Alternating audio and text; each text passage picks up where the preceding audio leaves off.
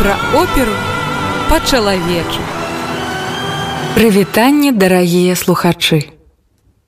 З вами Наста Мацкевіч і пра оперу па-чалавечы.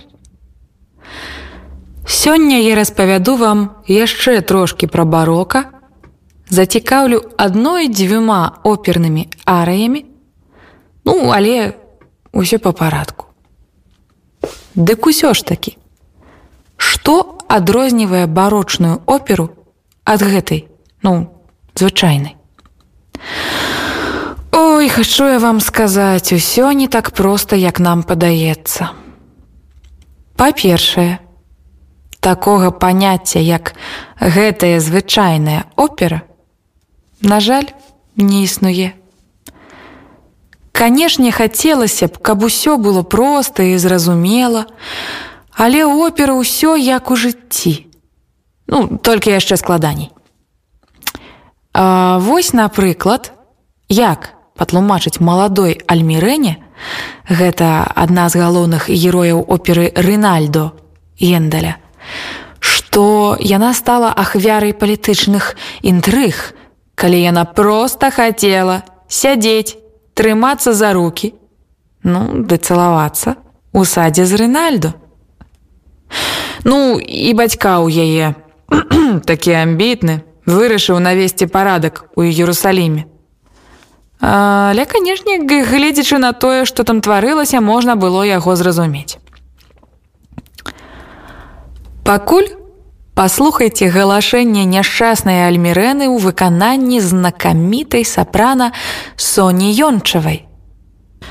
А потым я распавяду крыху больш складаны сюжэт гэтай оперы і таксама цікавую гісторыю яе стварэння.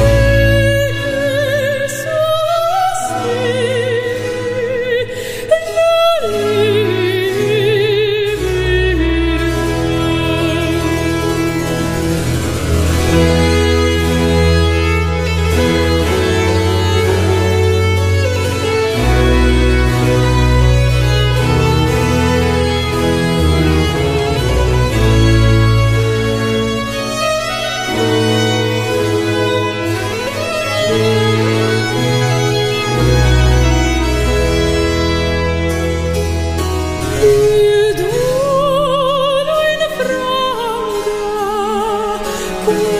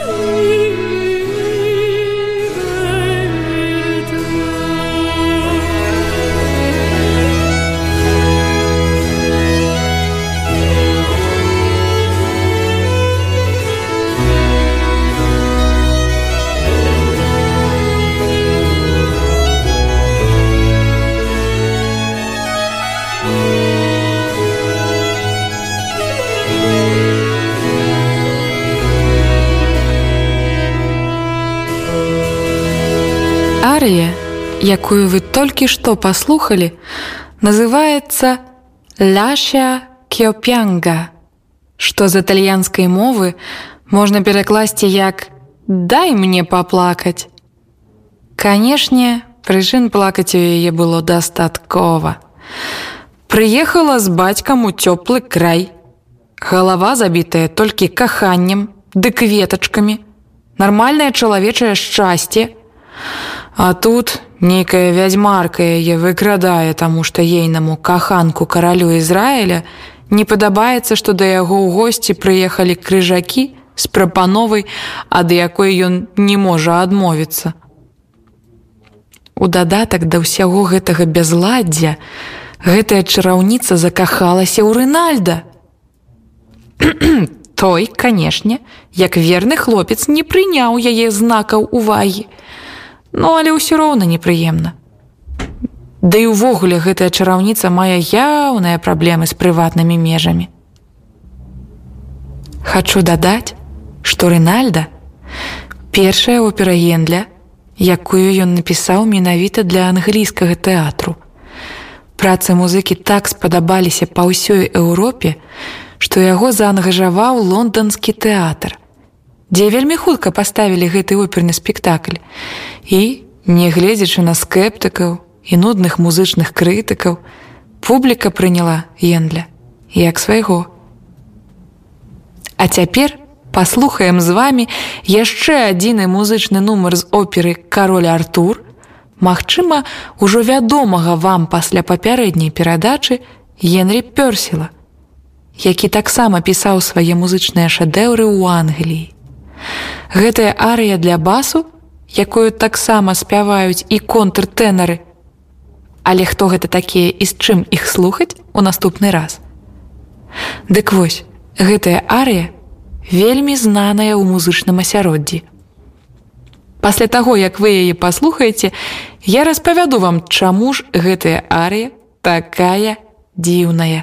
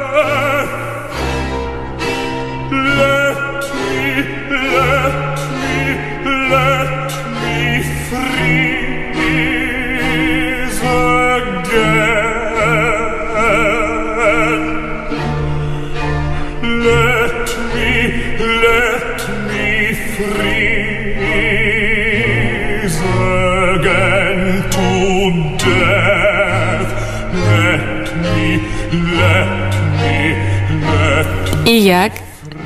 Спадабалася ці хутчэй сфрустравала усё просто мои дарагія персонаж які спявае гэты музычны кавалак міфічны дух.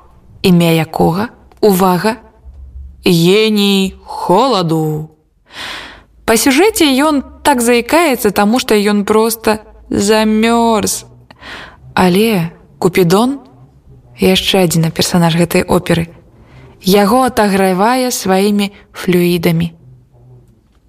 Опера кароль Артур прыкметная тым, што акрамя спяваных роляў у ёй ёсць шмат роляў для драматычных актораў. Сюжэт зацейлівы, тут ёсць і каханне, і узурпатар, і містыка, і спакуса галоўнага героя караля Артура, які таксама як Рнальдо, шукае сваю выкрадзеную антаганістам каханую. Ну а напрыканцы, калі Артур усё ж такі звальняе сваю зямлю, Мерлін, яшчэ адзін чараўнік, але яго вы пэўна ведаеце, выклікае персанаж Брытаніі. Так так, вострава Брытаніі. І пачынаецца такі невялічкі канцэрт пад канец оперы, дзе розныя персанажы спяваюць пра тое, як усё заўсёды добра заканчваецца. Як вы бачыце, опера гэта ўвогуле не нудная рэч. Ну што ж, спадзяемся і верым, што ў нас усё таксама будзе добра. А я жадаю вам добрай ночкі. З вами была Наста Мацкевіч, і пра оперу па-чалавечы.